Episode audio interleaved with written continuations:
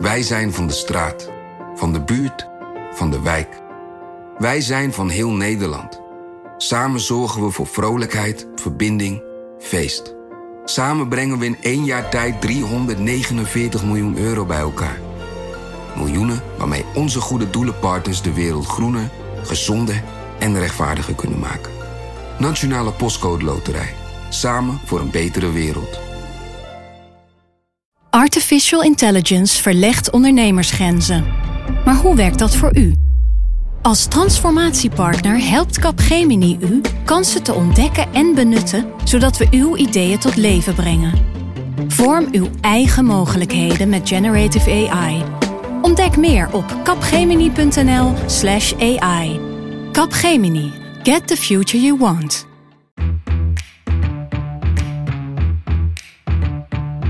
Dit is Haagse Zaken van NRC. Mijn naam is Lemia Aharouai. En deze week gaan we het hebben over CETA, het vrijhandelsakkoord tussen Canada en de Europese Unie.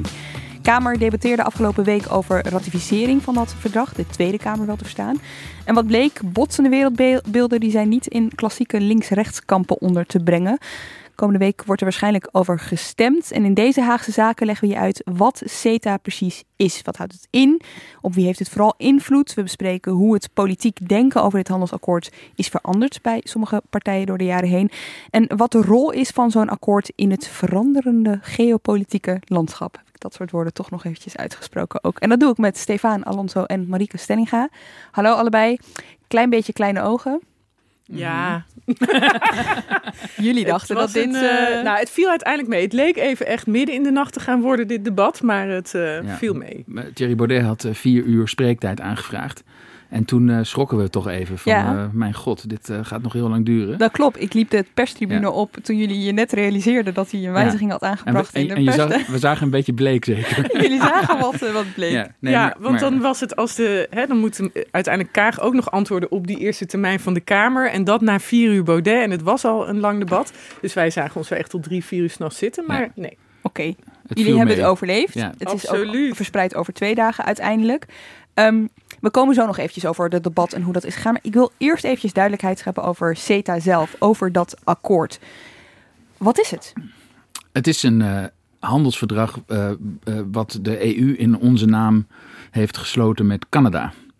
En dat verdrag dat is in 2016 is dat al helemaal rondgekomen. Daar is toen zeven jaar zijn daar onderhandelingen aan vooraf gegaan.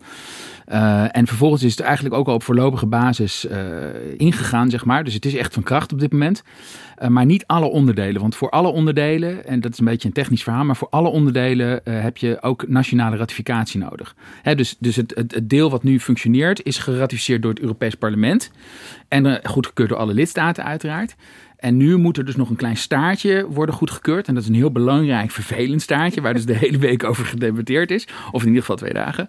Uh, dat kleine staartje, daar moet nog nationale ratificatie over plaatsvinden. Ratificatie is een soort van goedkeuring, ja, hè? Ja, dat je ermee Tweede. Kamer moet ja zeggen, Eerste Kamer moet ook ja zeggen. Oké, okay, CETA, ja, we moeten hem één keer even helemaal uit, uh, uitgesproken Ja. noemen. Ik ga het niet doen met mijn Engels. dus- Comprehensive Economic and Trade Agreement. Heel goed, oké. Ja, Nou, ja. dat kunnen we ook weer meteen vergeten in Het principe. hè? klinkt, eh, ja, nee, ja, laten we gewoon maar CETA zeggen. Ja, oké, helemaal goed. Wat staat erin, Marieke? Wat is, wat is het belangrijkste?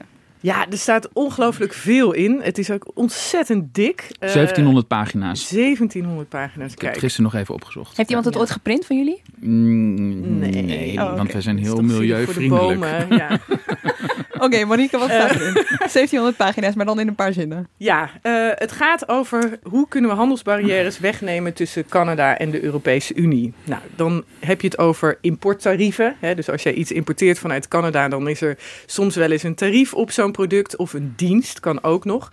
Maar omdat die importtarieven in de loop der decennia eigenlijk tussen westerse landen al een stuk omlaag zijn gehaald, gaat het nu ook over het wegnemen van belemmeringen vanwege regels. Dus bijvoorbeeld hier mag je bepaalde testen met cosmetica niet doen op dieren. En in Canada mag dat wel. Dan mag het niet de Europese Unie in. En hoe kunnen we nou zorgen dat die cosmetica uit Canada wel de Europese Unie in mag? Dan moet je regels gaan harmoniseren of elkaars regels erkennen of standaarden. En daar gaat zo'n verdrag ook in toenemende mate over.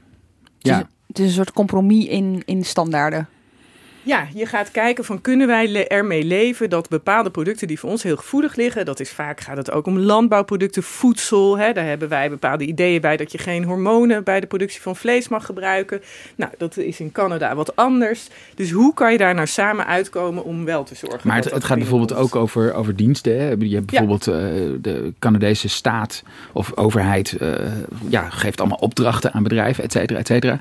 En voordat CETA van kracht was, uh, konden Europese bedrijven daar niet in meedingen bij dat soort opdrachten. Dat kan dus nu wel. dat zijn enorme bedragen die daar, uh, ja, uh, dat zijn, als er ergens in een ministerie een computersysteem moet worden aangelegd, dat soort dingen. Ja. Daar, daar, kan Europa dus nu aan meedoen. Uh, en, en, en vice versa ook, hè, in zekere zin. Dus ik bedoel, het is, het is je, je, je, je vergroot je markt eigenlijk. Je, je vergroot je markt. Hè. Je zegt eigenlijk van Canada hoort een beetje bij ons. ja. En veel genoemd voorbeeld hier ook de afgelopen dagen was kaas. Dus wij mogen nu meer Hollandse kaas naar Canada exporteren. Ja, en die kaas is beschermd. Hè? Want dat is natuurlijk altijd een puntje van zorg in Europa. Dat als je, hè, Gouda is een merknaam, is, of is een soortnaam zeg maar.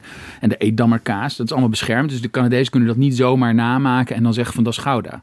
Oké. Nou ja, dat zijn belangrijke dingen er was dus behoefte aan zo'n uh, handelsverdrag, kunnen we wel zeggen. Maar dat is al een best wel oude behoefte. Het onderhandelen hierover is begonnen in 2009. 2009, ja. Ja, dus je moet je voorstellen, hè, vroeger werden eh, handelsverdragen vooral tussen, tussen twee landen uh, gesloten meestal, of tussen groepen van landen.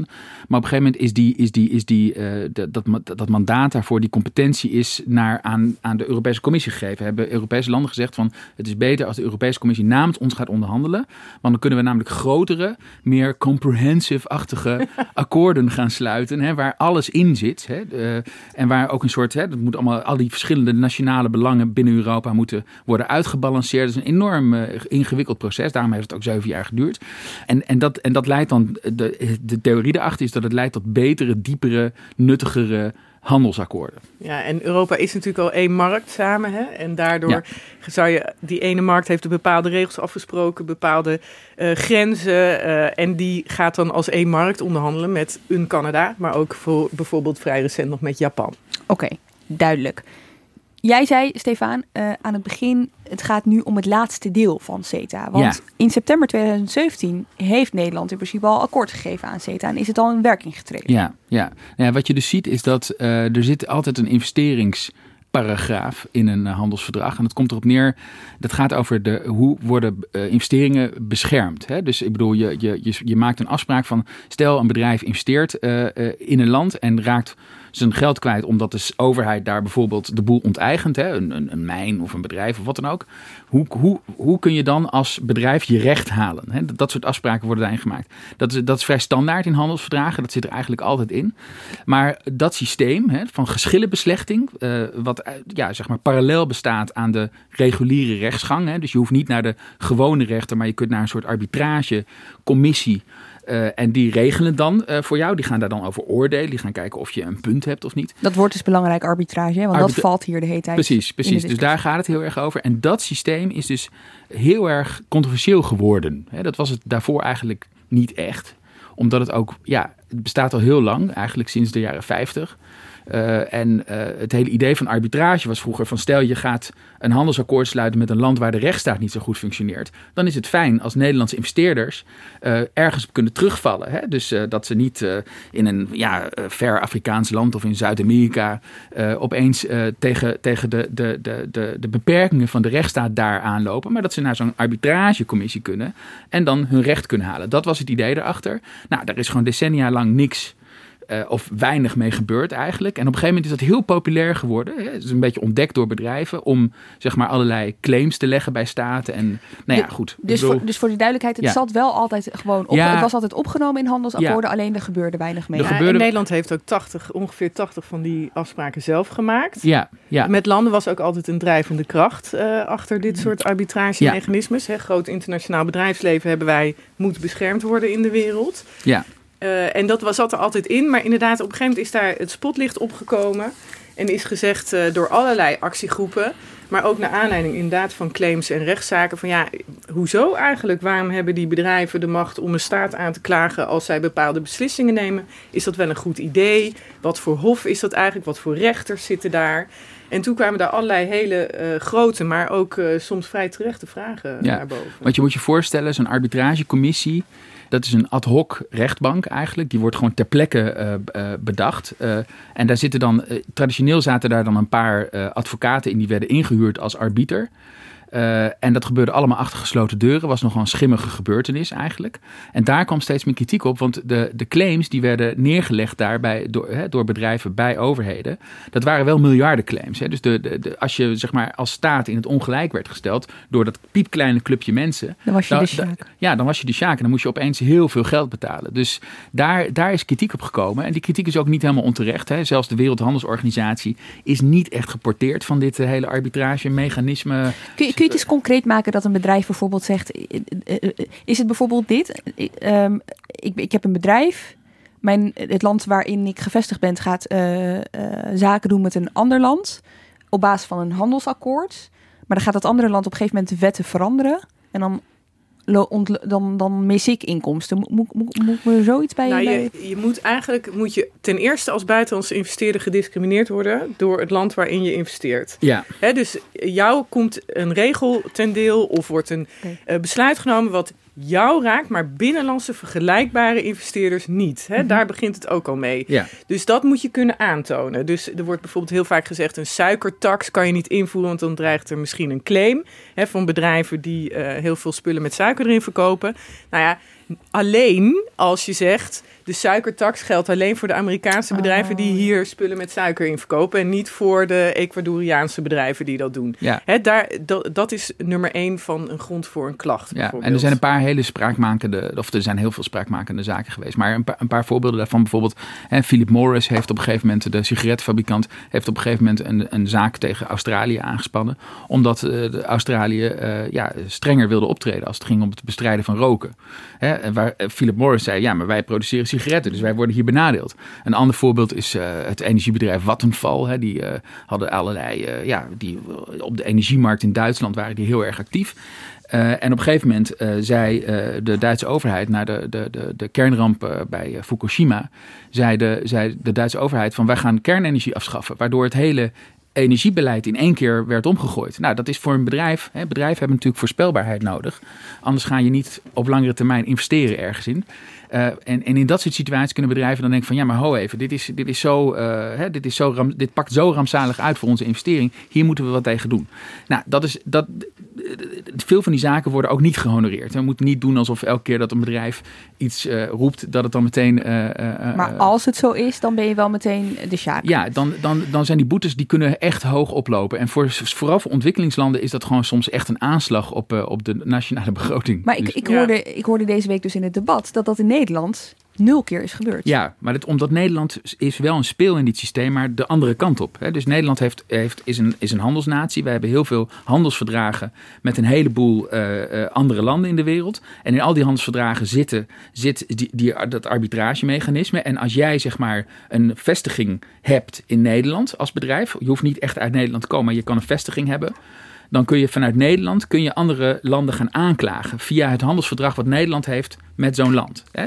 En je ziet dat, dat, dat Nederland gewoon jarenlang eigenlijk. Hè, ik geloof dat, dat de, de, de meeste zaken uh, worden vanuit uh, de VS aangespannen tegen landen. En Nederland staat op nummer twee. Dus wij zijn echt een speel in dit systeem. En het is inderdaad niet zo dat wij de claims.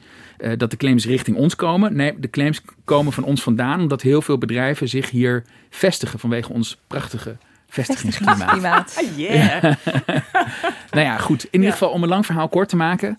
Uh, dit, dit, hier ging de discussie ook over. Want hè, wat is er dus gebeurd met CETA? In CETA zit die investeringsbescherming, zit dat hele geschillenmechanisme. Dat zit er ook in. Alleen, tata, en nu komt het. Het is een hervormde versie. Weet je wel? Omdat ook in Brussel en in uh, Europese hoofdsteden men tot conclusie is gekomen van de, deze arbitrage is zo schimmig en bevoordeelt bedrijven dus hè, zoveel eigenlijk, dat, dat we moeten dat hervormen. We moeten dat uh, meer naar de openbaarheid brengen. Dus er is nu een soort nieuw arbitragehof gecreëerd. Dat heet het uh, Investment Court, System, ICS. En, en, en dat is een soort hervormde, betere versie dan wat het was. De, de, discussie hier is een beetje glas half vol, half leeg. Want je, je kunt zeggen van, nou, het is hartstikke goed, want dit is een enorme verbetering ten opzichte van wat het was. Maar de critici zeggen dus van, ja, maar uh, het, is, het, is, het is misschien beter, maar het is nog steeds heel slecht. Ja. Hè? Om principiële redenen. Daar is dus ruzie over. En Nederland, zegt Kaag ook, hè, minister die verantwoordelijk voor is en dit uh, debat uh, voert namens het kabinet, zei ook zelf, nee, voor Nederland hoefde het niet in dit verdrag, dit investment court system.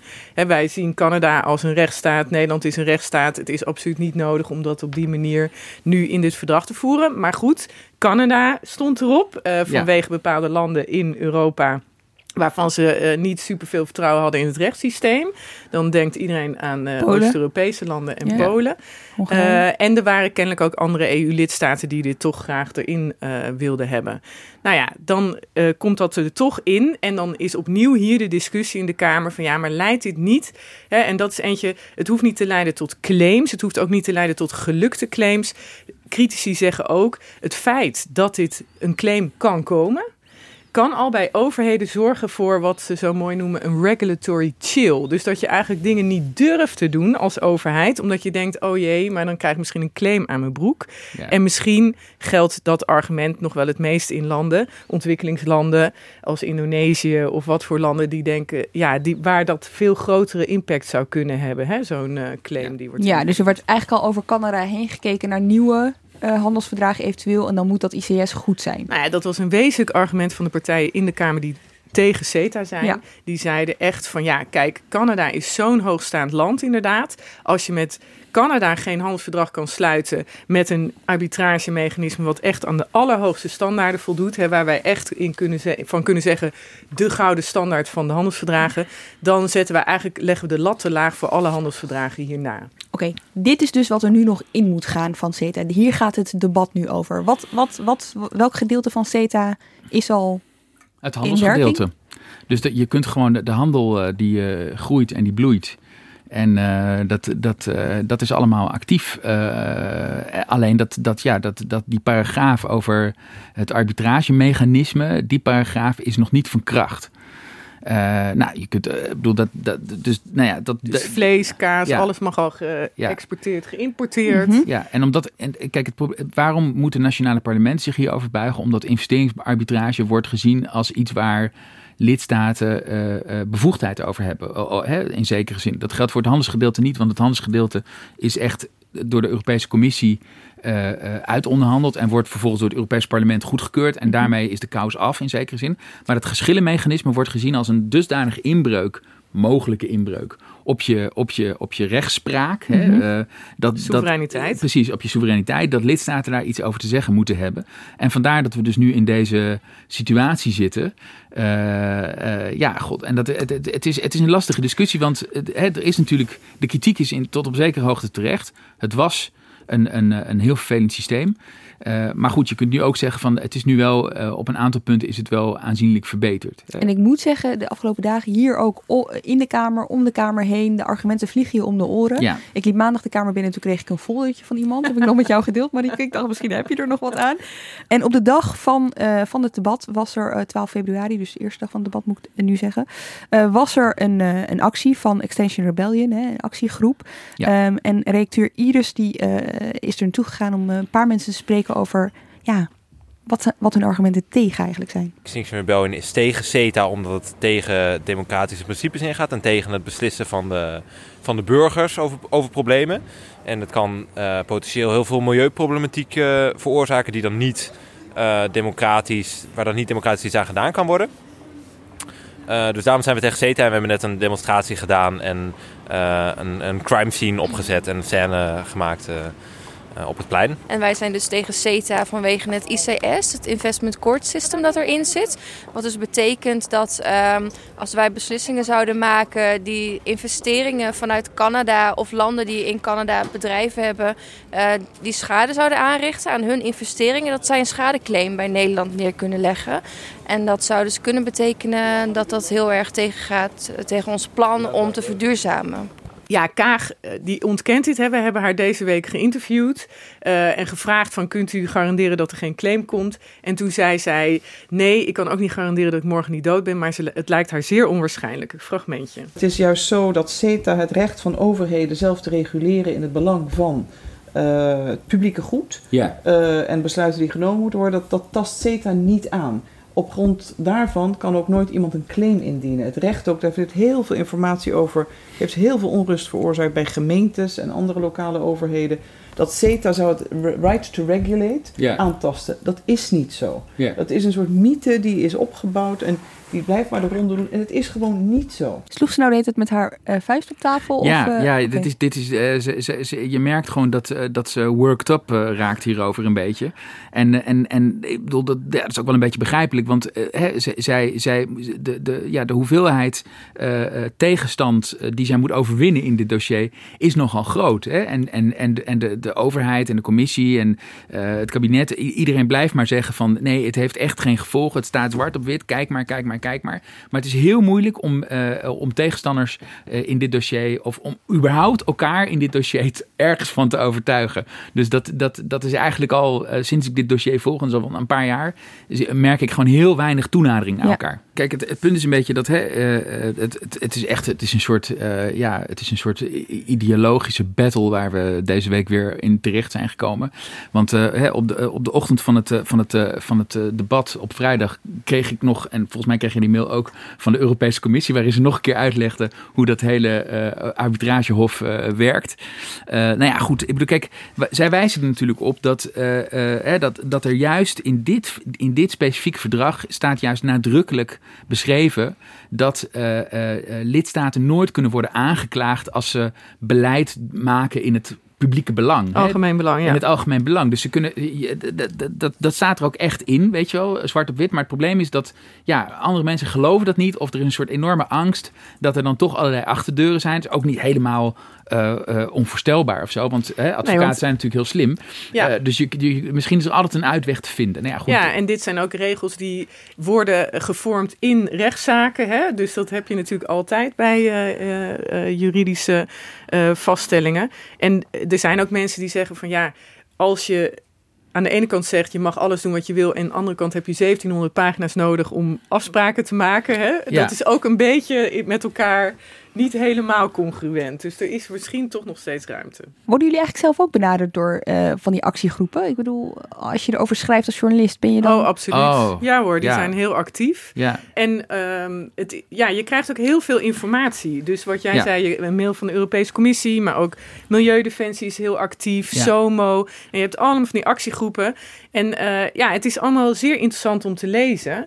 En ik hecht er ook aan om te zeggen dat ook juristen of mensen die hierin gespecialiseerd zijn, hè, die zijn genuanceerd over, ja, wat kan je nou zeggen over wat dit soort dingen zo'n hof betekent, wat die regels betekenen, welke ruimte er voor overheden is om bepaalde regels te zetten. Ja, dat is ook voor een deel nog moet blijken. Ja, Hè? want ik moet zeggen, als je het niet op de voet volgt, dan word je echt best wel gek van al die argumenten van beide kanten. Want het spreekt elkaar, nou ja, jij zegt het net al, Stefan. Het zijn echt, Ja. staan lijnrecht tegenover elkaar. Ja. En wat Nou ja, zeker ook over het. Hè, we hebben het nu over het Hof. Daar staan de argumenten lijnrecht tegenover elkaar. En als je naar de een luistert, denk je: oh, overheden mogen niks meer. Als je naar de andere luistert, denk je geen probleem. Uh, maar ook bijvoorbeeld over een andere deel van het debat waar het veel over ging: over de boeren en de uh, standaarden. Hè, dus de standaarden voor dierenwelzijn en klimaat en productietechnieken. Hormonen, pesticiden. Ja, daar hoor je ook zulke verschillende beelden over. Hè, Ja. GroenLinks is super negatief over hoe het in Canada eraan toe gaat. Ja. Nou ja, en dan zeggen de voorstanders van CETA, ja, maar luister eventjes. eh, Het vle- rundvlees mag alleen maar komen van 36 gecertificeerde bedrijven uit Canada. En dan hebben we helemaal gecontroleerd of daar geen hormonen in zitten. Dus ja, waar hebben we het over? Ja, Hè, nee, dus ja, hier- goed. En, en als je het debat volgde, dan had je, en je zou niet weten dat het over Canada zou gaan, dan zou je echt denken dat we het over een soort bananenrepubliek hebben, die, eh, eh, die, die gewoon allemaal vreselijke dingen doet met zijn dierenwelzijn dierenwelzijn en met zijn voedselstandaarden en zo. Ik bedoel, de, de, de toon is nogal hoog in dit debat. En dat werd natuurlijk ook dan weer door, zeg maar, Kaag en door partijen die wel voor CETA zijn, die, die brachten dan, dan naar voren zo van, ja, god, we, we hebben het wel over Canada, we hebben het niet over Congo of over, hè, dat was zo, Arne Weveling van de VVD, die trok de vergelijking met Congo. Jette, die noemde, hè, Rob Jette van D66, die zei van, ja, de Canadezen, dat is het Scandinavië van Noord-Amerika. Dus ik bedoel, iedereen, er is, er is gewoon, het is natuurlijk ook wel waar dat Canada gewoon in heel veel opzichten een land is wat heel erg op ons lijkt. Dus waar komt dan die opwinding vandaan? Waarom Nou, is iedereen zo nou. boos? Nou ja, daar kun je gewoon. eh, eh, Kaag zelf geeft dan als antwoord van ja, de boosheid gaat over globalisering en niet zozeer over CETA. Ten dele heeft het een Ja. reactie, denk ik, überhaupt op, op onvrede eh, en, en onbehagen voor wat betreft gevolgen van globalisering. En dat merk je in alle landen. Ja. Eh, dat men inderdaad denkt, ik ben vergeten, ik word niet meegenomen. Als je kijkt naar de veranderingen in de economie. Dus er raken hier twee discussies vermengd eigenlijk, zegt ze. Ze zegt van, van we zouden het eigenlijk moeten hebben over CETA en over hoe fijn het is om handel te drijven met eh, de Canadezen, gewoon recht toe recht aan. En op de achtergrond speelt die enorme eh, boosheid die er toch is in de wereld. En die zij ook voor een belangrijk deel volgens mij deelt, dat zegt ze ook de hele tijd. En dat ze zich ook zorgen maakt over de groeiende ongelijkheid in de wereld, et cetera. Maar die discussie over globalisering, die sluimert de hele tijd op de achtergrond en die, die vermengt zich met dit vrij technische debat over vrij technische dingen. Hè, standaarden, juridische standaarden, milieustandaarden, landbouwstandaarden. Dus dat raakt allemaal met elkaar vermengd en dat, ja, dat wordt een soort kolkende, ja, emotionele Ja. toestand. Het laat ook zien hoe gevoelig, en dat is in bijna alle handelsverdragen volgens mij zo, hoe gevoelig landbouw is als onderdeel van een Ja. handelsverdrag. Hè, want hoe, hoe je voedsel wordt gemaakt, wat je daar wel en niet mee mag doen, welke bestrijdingsmiddelen je gebruikt, welke dingen je in die dieren mag spuiten, dat is allemaal kennelijk zo nationaal onderhandeld, het democratisch uitgekristalliseerd. En dan opeens zit daar een ander land en die heeft het net wat anders gedaan. En dan eh, roept dat heel veel wantrouwen of gevoeligheden op. Niet Ja. alleen bij de boeren of de landbouwsector zelf, maar ook bij consumenten of bij dierenactivisten. En dat eh, zag je ook heel erg terug. Het argument, het is oneerlijk, hoor je ook vaak. Hè? Het is oneerlijk voor Nederlandse boeren, omdat die dus aan bepaalde standaarden Ja, de, dat was een argument. De ChristenUnie, hè, coalitiepartij, die, niet, eh, die heel erg twijfelt. En in 2016 tegen CETA heeft gestemd. Dat is een van de argumenten die zij voeren. Maar dat hoorde je veel breed in de Kamer geëtaleerd gisteren. En dat is, ja, wij leggen allemaal standaarden, strengere eisen op aan onze boe- boeren. Hè. Het moet milieuvriendelijker, diervriendelijker, klimaatvriendelijker. En dan krijgen ze via de achterdeur uit Canada producten binnen die niet op die manier aan die hoge standaarden moeten voldoen. Natuurlijk moeten zij ook aan van allerlei dingen voldoen, maar niet op die manier aan die hoge standaarden. En dat is oneerlijk, want dan mogen zij zelf iets niet maken wat wel op de markt mag worden gezet. En dat bedreigt de concurrentie. Nou ja, ook hier hoor je weer twee dingen. Want de grote landbouworganisatie LTO is voor dit verdrag. Die ziet vooral de voordelen voor de boeren. Voor de kaasboeren Nou ja, precies. Er zijn natuurlijk ook allerlei boeren die kunnen exporteren nu naar Canada. En eh, kleinere landbouworganisaties zijn tegen met dit argument en vinden gehoor bijvoorbeeld bij de ChristenUnie, maar ook bij de SGP. Ja. Nee, het, het, je ziet ook hier weer hoe ontzettend eh, ehm, eh, lastig de discussie is. Want ja, de concurrentie voor Nederlandse boeren. Ik bedoel, je moet, ja, ik moet het bijna uitproesten van het lachen. Want als er één land is waar boeren echt heel goed kunnen concurreren met de rest van de wereld, dan is het wel Nederland. Hè? Ik bedoel, het, het, het heeft iets potsierlijks bijna. Want het Nederlands per slot van rekening het, eh, tweede, eh, de tweede landbouwexporteur eh, ter wereld. En dat wij dan hier in Nederland ons daar zorgen over maken dat de boer het misschien niet eh, gaat redden, zeg maar, op het internationale speelveld. Dat heeft, dat heeft iets, iets, iets, iets raars, toch? Eh, tegelijkertijd, en dat is het probleem, we hebben natuurlijk toch, eh, we zijn een klein land, we moeten gewoon zorgen dat, ja, dat het beter gaat met het milieu, met het dierenwelzijn, et cetera, et cetera. Stikstof. Daar hebben we allemaal afspraken over gemaakt. En dan is het natuurlijk, en daar zit een beetje de spanning, dan is het een beetje merkwaardig als je aan de ene kant heel erg gaat zeggen van het moet minder, minder, minder in je eigen land.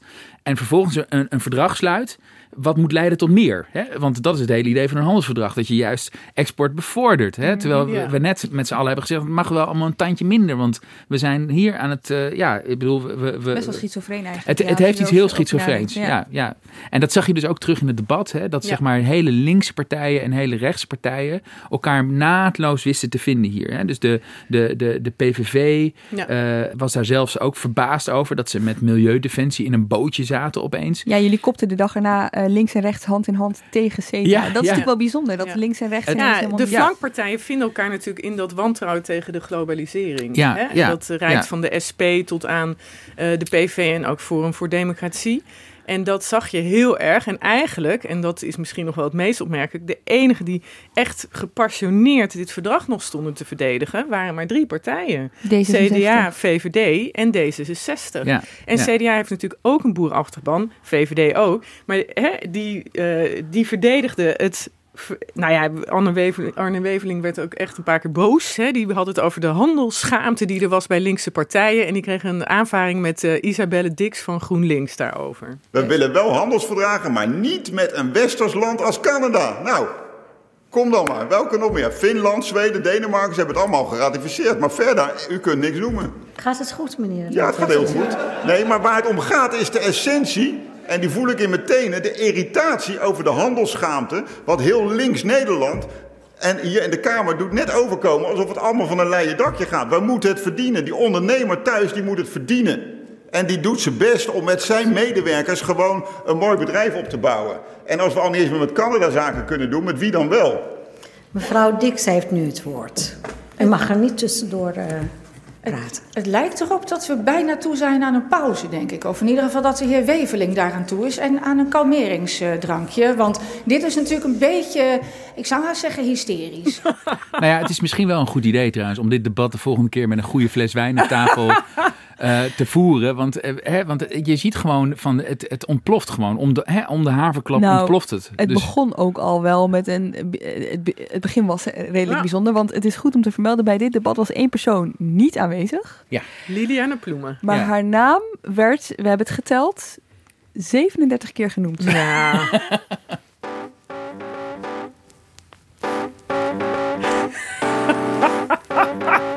Eh, mevrouw Ploemen heeft destijds gezegd, eh, het verdrag met Canada moet de norm worden. Het was oud-minister Ploemen die de afgelopen dagen voor alle media de tijd nam. Compliment is op zijn plaats, denk ik, aan de vorige minister van Buitenlandse Handel, mevrouw Ploemen. Toen hebben mevrouw Ploemen heeft dat moeten doen. Overigens was mevrouw Ploemen daar zelf bij. Dan bieden we de heer Asscher of mevrouw Ploemen de mogelijkheid om zich bij dit debat te Gaan we ze alle ja, ik zou 37 zeggen, luisteren? mevrouw Ploemen, Ga aan het werk en kom in debat. Nee, toch maar niet. Oh, oké. Oké, zij was natuurlijk de grote uh, ontbrekende factor Ja. en de grote CETA-vrouw. Ja. Leg even uit hoe dit zit. Nou ja, zij zat in het kabinet Rutte 2, eh, VVD, PvdA. Was zij degene die dit handelsverdrag onder haar hoede had. Zij was de voorganger van Kaag.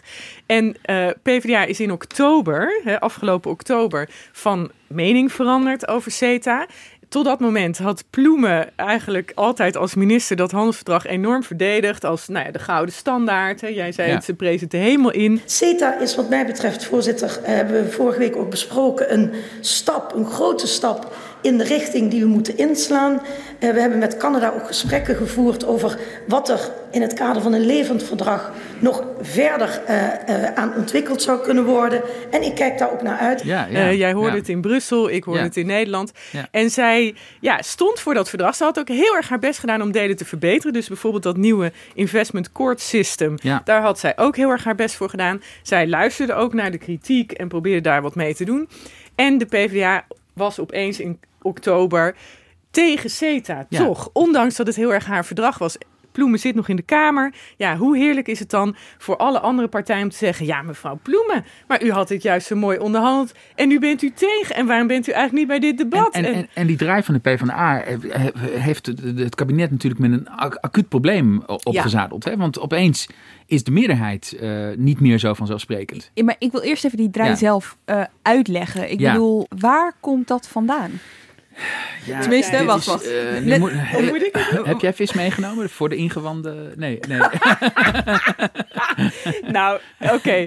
Wij kunnen, eh, wij hebben de officiële uitleg en wij hebben wat, eh, men, nou ja, wat coalitiepartijen er nu van zeggen. we beginnen met- wat- we beginnen met officieel. Oké, de officiële uitleg is: er is een motie ingediend door de Kamer onder leiding van PvdA-Kamerlid toen Jan Vos Ja. in 2016. En daarin werd gezegd: mevrouw Ploemen, kunt u kabinet, kunt u niet nog meer uw best doen om eh, maatschappelijke organisaties zoals vakbonden een plek aan tafel te geven in dat arbitragehof. Ja, dus het arbitragehof moet je goed. Hè, dat, dat- daar zitten in principe zitten daar alleen maar bedrijven, dus Mhm. met eh, vertegenwoordigers van de staat. En eh, eh, het, op zich, het, in, het, in de hervormde versie van het arbitragehof, eh, eh, hè, mogen, mogen, ja, hebben, hebben vakbonden en, en maatschappelijke organisaties mogen wel als een soort vrienden van de rechtbank aanwezig zijn, et cetera. Ja, ze mogen een brief sturen. Ja, en wat de PvdA eigenlijk opeens, of in 2016 in een motie vroeg, van zorg ervoor dat, dat, hè, dat, dat ze er veel directer bij betrokken kunnen worden. Dus dat je, bij wijze van spreken, als vakbond ook een zaak kunt aanspannen. Hè, als je vindt dat gewoon iets de spuigaten uitloopt Mhm. vanwege een handelsverdrag. Eh, dus nou ja, goed, dat, dat, dat was de, de, de, de propositie. Eh, die motie is iedereen daarna eigenlijk eh, vergeten. En, en hij is met een brede meerderheid aangenomen, dat moeten we er even bij zeggen. Dus eigenlijk had, had, had het kabinet hier wel uitvoer aan moeten geven. Maar En- Ploemen tekende daarna. Ja, ja ze heeft, ze heeft, is, Ploem is altijd heel enthousiast geweest over, over, over CETA. Dat moest natuurlijk ook. Ja. Ze, ze was de handelsminister. Eh, eh, eh, dus daar, daar, is, daar is iets fout gegaan binnen de PvdA, zou ik maar zeggen. En wie heeft die motie nu tevoorschijn getoverd trouwens? Nou ja, dat, dat, dat is niet helemaal duidelijk. Maar hij kwam dus bovendrijven Ja. vorig hè? Dus die motie kwam vorig jaar eh, opeens bovendrijven weer. En toen begonnen ze te zeggen van ja, maar ho even. Jullie geven geen uitvoer aan die motie. Dus wij, zijn, wij kunnen niet meer voor CETA zijn. Want jullie hebben te weinig gedaan de afgelopen 2,5 Ja, en jaar. Ploemen zei deze week op de radio van... Ja, en eh, toen ik het eh, stopte als minister, hè, was ik nog bezig met die motie. Ik had alle hoop dat Kaag door zou gaan met die Ja. motie. Maar ja, 2,5 jaar verder en er is niks gebeurd. Dus ja, het is helemaal niet raar dat ik nu tegen ben. Was Radio 1 hè? Ja, ik ben ook hartstikke voor eerlijke handel en nog steeds. Alleen ik vind wel, je moet een verdrag afsluiten als het een goed verdrag is. Ik moest het ergens, nou ja, voor de eindsprint kon ik het niet afmaken. Nogmaals, ik had echt een hoop op eh, minister Kaag eh, wat dit betreft. Maar ja, er is blijkbaar niet zoveel aan gedaan. Echt jammer. Nou ja, goed. En, en, en, en, de vraag is van, heeft het kabinet inderdaad niks gedaan? Kaag ontkent dat een beetje. Ze proberen donderdag toch een beetje de indruk te wekken dat ze wel degelijk, hè, ook met de commissie in gesprek is, om dat ICS verder te hervormen. Hè. Eh, het, het woord race to the top wordt, wordt vaak gebruikt door, door Kaag. Hè, dus het, het wordt alleen maar beter en mooier. Maar dat gebruikte Ploemen dus ook de hele tijd. Ja. Race ja, to the top, ja, ja, ja, precies. Ja. nou, ja, dat... En nou ja, tot zover dus de officiële uitleg van de PvdA. En, dan de geheime Ja, nou ja, dan degene die de coalitie natuurlijk heel leuk vindt, eh, is van ja, hallo, je hebt zelf aan de knoppen gezeten bij dit handelsverdrag en nu opeens ben je tegen. Kaag zei bij ons in het interview letterlijk van ik geloof niet dat dat was omdat eh, Vanwege de om inhoud. inhoudelijke Ja. redenen. Dus de suggestie die de coalitie heel erg neerlegt is van ja, zij heeft dit zelf onderhandeld. Nu zit ze in de oppositie. Nu scoort het niet meer lekker om voor CETA Ja. te zijn. En nu gaan ze opeens draaien. Ja. En we hadden het net al eventjes over Arne Weverling. Nou, ik zat op de fiets een stukje van dat debat te luisteren. En ik, echt, ik viel bijna van mijn fiets op. Kijk, Ploemen was er niet, maar Kirsten van der Hul, PvdA-kamerlid, moest het dus eigenlijk gaan opnemen voor de PvdA en die draai. En die Arne Weverling, op een gegeven moment zag hij het gewoon echt niet meer zitten. Zijn, zijn toon werd steeds harder. Ja, wat ons betreft was het werk dus nog niet klaar. Het was nog niet zoals het zou moeten Maar zijn. dat staat nog namelijk hier, dat het klaar is. oneerlijk, Het was nog oneerlijk verdeeld. En in een wereld die, die steeds ongelijker wordt... is het des te belangrijk om als je spreekt over een verdrag... dat een blauwdruk is voor de toekomst... om dat nu goed te regelen. Tot slot. Dit meent u niet serieus. We- Weet u wel wat voor verantwoording u heeft hier als Kamerlid? Eh, We zitten hier niet op een theekransje. U heeft iets uitonderhandeld. En u heeft de verantwoordelijkheid om hier ook dan nog uw handtekening onder te zetten. Dit kan toch zo niet? Die kwalificatie die laat ik eh, voor eh, meneer Wever. Nee, dit is een vraag. Dit kan ik toch zo niet? vraag. Dat kan toch zo niet? Nou, u heeft, mijn stand, u heeft mijn standpunt gehoord. Wij vinden dat dit verdrag zo niet kan. Wij vinden dat het niet kan. Maar het staat hier, mevrouw Ploemen Nee, is akkoord nee. gegaan. Ja, maar dit is echt te bizar voor woorden, mevrouw de voorzitter. U bent er ook mee akkoord gegaan als VVD-fractielid. Dit kan toch Ik niet? ben ook geen VVD-fractielid voor eh, de handelingen. En betrek me niet bij de inhoud, meneer Weverling. Ik bedoel, zij stond daar maar wel mooi iets te verdedigen waarvan ze wist dat ze het moeilijk had om het, er, om, om het te kunnen verdedigen, laat ik het zo zeggen. Ja, ja, goed. En dat deed ze dus ook niet erg overtuigend. En daarom was ook. Hè, bedoel, kijk, de, de, eh, D66 en VVD en CDA hadden zoiets van. Laat Ploemen gewoon vooral naar de Kamer komen. en nog eens een keer uitleggen wat er is gebeurd. Ja, maar zo Ja, werkt dat natuurlijk niet. Nee, maar ze werkt het natuurlijk niet. Maar eh, op zich, eh, ja, dat ze er hier gefrustreerd en boos over zijn, is, is wel een beetje begrijpelijk. Want eh, ja, nogmaals, ze was er heel erg enthousiast over.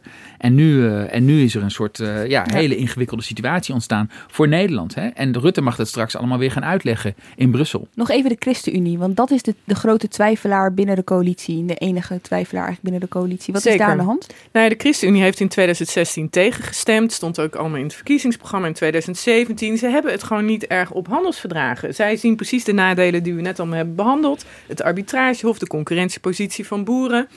En ja, nu zit ze in een coalitie. In het regeerakkoord staat dat de co- coalitie in principe positief staat tegenover handelsverdragen.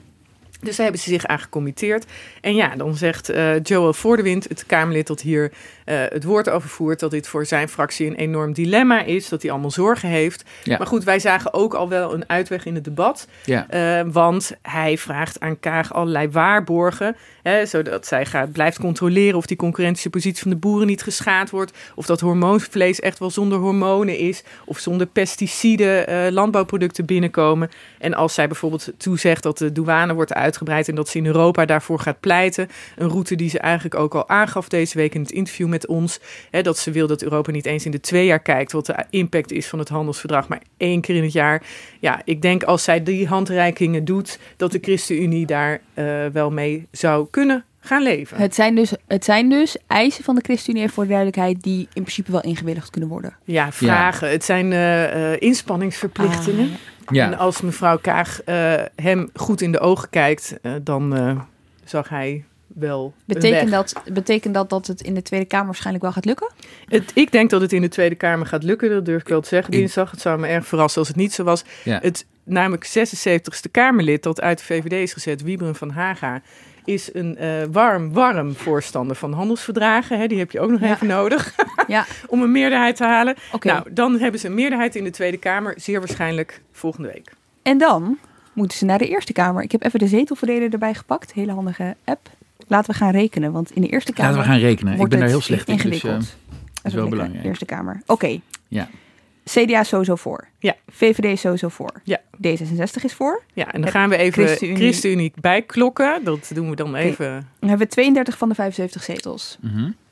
Ja, dan hebben we dus de PvdA is geen route, denken wij meer. Nou, dat, ja, Misschien wel? hier de, verschillen we nog even van. eh, hier hebben we nog even ons eigen interne debat Oké, over. vecht, dit, vecht, dit even, vecht dit even extern uit. Wat, wat, gooit er even het, uit. zou- het zou natuurlijk kunnen. Hè? Als, stel dat, stel dat eh, eh, eh, Kaag toch ook nog een handreiking doet, een stevige handreiking naar de PvdA. Ja, dan, heb je een meerderheid. Dan heb je een meerderheid. 38 van de Maar, 75. maar we waren, eh, hè, daar hadden we het ook deze week over. We hebben natuurlijk goed gekeken naar wat voor handreikingen ze dan doet tot nu toe. En dat is allemaal een beetje teleurstellend. Dus we hadden niet echt het gevoel dat, dat de PvdA daar warm eh, of koud van werd. Oké, ik haal PvdA weer weg. Maar met de PvdA erbij heb je dus precies een nipte meerderheid. Ja, Ja. dus daarom was het ook vrij eh, heftig voor het kabinet dat de PvdA eh, Mhm. in oktober die steun introk. Ja. Nou ja, en dan blijft over, eh, de, dan heb je er drie nodig. Ja. Volgens ons, groep Otte. Mhm. Hè, dus het afgesplitste deel van Forum voor Democratie in de Eerste Kamer. Henk Otte en consorten. SGP en 50 plus. Je hebt er 38 nodig. Oké, dit wordt dus nog spannend. Stel, stel dat het eh, niet lukt in Ja. de Eerste Kamer. Wat gebeurt er dan? Ja, dan... eh, dat is- Gaan we ten onder? dat- nee, Ik zie je echt twee Nee, nee, kijk, het- het- Kaag zegt enorme schade. Ja. Dat- die doen we even eerst. En dan denken wij, ja, gut, wat gaat er gebeuren in Europa? Jij hebt het een keer uitgezocht. Nou, kijk, ik denk, ik denk dat, dat eh, eh, Rutte moest destijds met het Oekraïne-referendum, waarin het Oekraïne-associatieverdrag toen werd afgewezen, moest hij ook al een keer naar Brussel om op zoek te gaan naar zijn geitenpaadje. Inlegvelletje werd dat. ja, precies. En dat, en dat zal hij dus weer moeten doen dan. Hè? Dus dan moet je weer. Want kijk, het is niet zo dat als Nederland CETA afwijst, dat CETA dan meteen stopt. Hè, tenminste, ik heb dat laatste keer opgezocht en eh, eh, het, is, eh, het, het gaat dan terug naar de lidstaten eigenlijk, het hele dossier.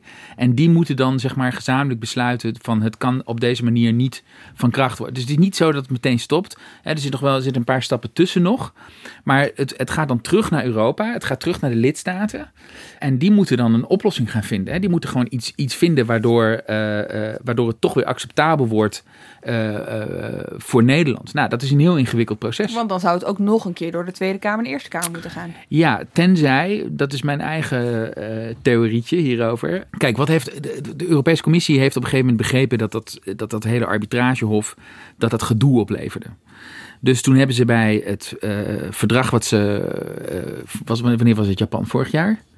Eh, dat- Ja, eh, s- 18. ja, dus toen hebben ze met- Zomer 18. Ja, dus toen hebben ze met het, het, het handelsverdrag wat ze met Japan hebben gesloten, hebben ze het hele. eh, eh, de, de, Europese Commissie heeft dus begrepen van dat dat investeringsmechanisme is gewoon een ingewikkeld verhaal. En toen hebben ze bij het handelsverdrag met Japan van een aantal jaar terug hebben ze besloten we gaan het eruit halen. En dan hou je dus een verdrag over wat alleen maar over handel gaat. En als het alleen maar over handel gaat, dan eh, heb je alleen maar toestemming nodig van het Europees Parlement. Dan heb je de, zeg maar de, de, de, de nationale goedkeuring heb je niet meer nodig. Dus op die manier hebben ze het met Japan opgelost. Hè? Dus je zou, je zou kunnen denken van als het teruggaat naar Europa, dat Europa dan, hè, er zijn gekkere dingen gebeurd in Europa de afgelopen tien jaar, dat ze dan zeggen van weet je wat, we halen dat hele investeringshoofdstuk Oh, halen we man. eruit. En, maar ja, dan heb je natuurlijk wel de poppen aan het dansen. Want dan zegt iedereen van ja, ondemocratisch. Precies, gedoe, hier eh, had niemand het over Japan ja, verder ja. hier Maar op straat. die- maar als je gaat zeggen dat ja. CETA toch is doorgedrukt, Ja. tussen aanhalingstekens, want dat krijg je dan natuurlijk te horen overal. Dan, ja. eh, maar Ka Kaag is hier ook geen voorstander van. En zij zei ook heel duidelijk tegen ons tijdens het interview dat zij vindt dat het debat in Nederland moet plaatsvinden. Ze vindt het daarom ook heel belangrijk dat wij er zelf uitkomen. En ze zegt van, ze wil eigenlijk niet dat het weer een Europees verhaal wordt. Ze zegt van, we hebben nu de kans om het erover te hebben, laten we het erover hebben. Ja. Gaat het er komen, denken jullie? Ja, ik, ik, voel, ik, ik, denk het, ik denk het wel, vroeg of laat wel. Weet je wel, ik, ja. Wow, vroeg of laat, over vijf jaar of zo. Het associatieverdrag met Oekraïne is ook doorgegaan. Ja. Dus Ja. dat de politiek en het kabinet hier alle mogelijkheden gaat proberen te vinden om het wel te doen, lijkt me eh, evident. Ja. Ehm, En er zijn natuurlijk ook best wel sterke argumenten om het wel te doen. Hè. Dat is, eh, ik bedoel, je ziet toch dat eh, de internationale wereldhandel staat enorm onder druk. Hè, want eh, Trump en, die trekt zich nergens meer wat van aan. Die heeft gewoon zijn eigen agenda. De Chinezen die, zijn ook lekker bezig met hun staatskapitalisme. En die trekken zich eigenlijk ook weinig wat van aan. De, de Wereldhandelsorganisatie, hè, de, de, de bron van alle regels over handel, die eh, ligt een beetje op zijn gat. Ik bedoel, dat, dat, dat, dat functioneert allemaal niet eh, echt goed meer.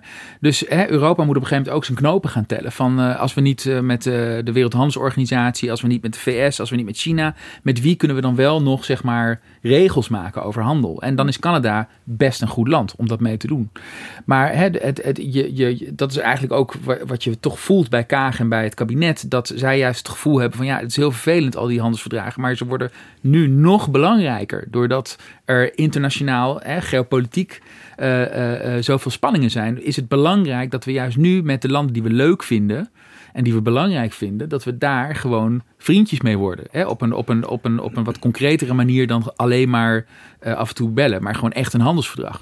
Ja, en hun, het argument dat zij voeren en Kaag ook zeker eh, voert, is wij kunnen onze manier van handel drijven, onze regels, eh, onze eh, hang naar klimaatmaatregelen, kunnen wij beter verspreiden over de wereld als we dit soort verdragen sluiten. Ja. Hè? En dat onze manier van leven, handelen, economie eh, bedrijven, die kunnen we beter doen als wij dit soort verdragen sluiten. Nou ja, dan hang je er veel aan op. Ik denk dat wel, dit gesprek wordt nooit meer rustig. Hè? Nee. Hier is het licht in de kamer aangegaan. Die kamer was eh, heerlijk eh, rustig.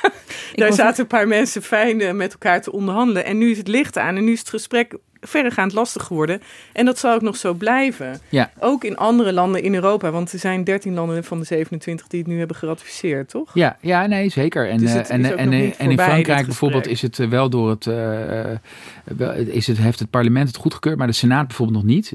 Dus, Ja. dus dat is nog echt ja, een, een, een heel ingewikkeld verhaal. Duitsland wordt waarschijnlijk nog een ingewikkeld verhaal. Ja. En ik vind het ook. Ik vind dat dit veel democratischer is geworden. Dat er veel meer aandacht over, voor is. En dat er veel meer over wordt gediscussieerd. Wat zo'n verdrag is en wat het betekent. Vind ik winst. Want even voor duidelijkheid. De Europese Unie heeft elf handelsverdragen, 14 associatieakkoorden, 8 economische partnerakkoorden.